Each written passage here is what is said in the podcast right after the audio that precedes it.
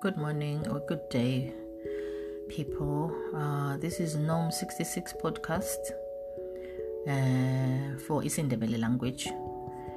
Uh, I'm introducing myself, and um, I'm Nombulelo Mazibugo, born and bred in Bulawayo, Zimbabwe, uh, Southern Africa, and I'm based here in the UK.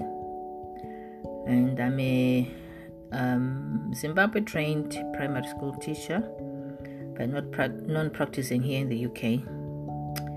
Um, I love my language, Sindebele, and I love where I come from in, in Zimbabwe. So I am here to keep my identity as a Zimbabwean and to keep my language alive, which is in Ndebele Sindebele, and to share it with the, those that feel they are losing the language or those that have no idea how our language works. So I will do this in short stories and poems and my thoughts or understanding of cultural norms and values of our Ndebele language. So join me in my podcasts. They will mostly be in Ndebele because that's the language I want to keep uh, alive and flourishing in in the in the diaspora. In my own way, I know some people have done a lot of things with Ndebele language, and I'm also adding on value to what others have done. So, thank you so much for following me and supporting me in this journey of um, lockdown and isolation hopefully you'll enjoy what I have um, put together so far. Thank you.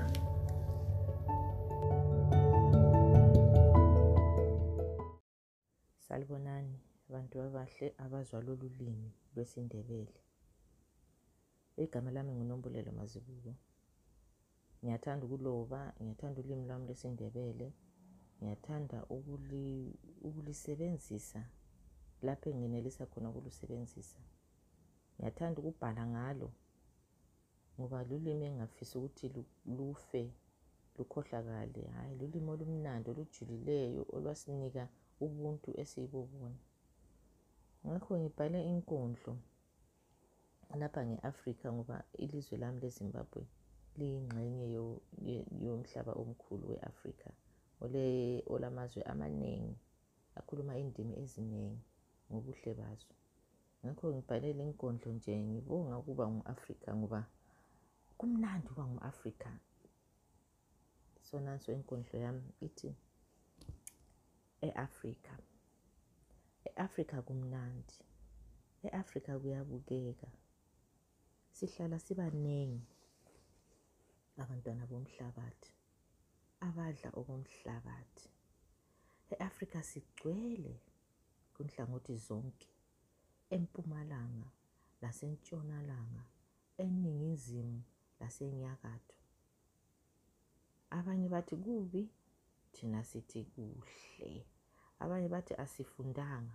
Thina sithi lokho kutholakala yonke indawo. Inotho silayo. Siphethe amasiko asipha isithunzi. Abanye bathi siluhlaza. Thina sithi abasizwisisi kahle. Thina siyazazi njalo siyaziqhenya ngokuba ngumAfrika.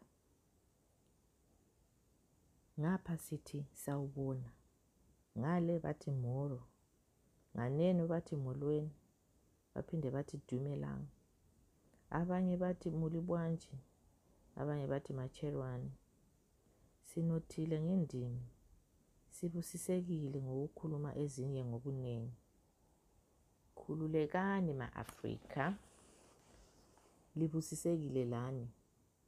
Liziqhenye lizithande liziteme ngoba lilingene lemihlebo yonke jikelele.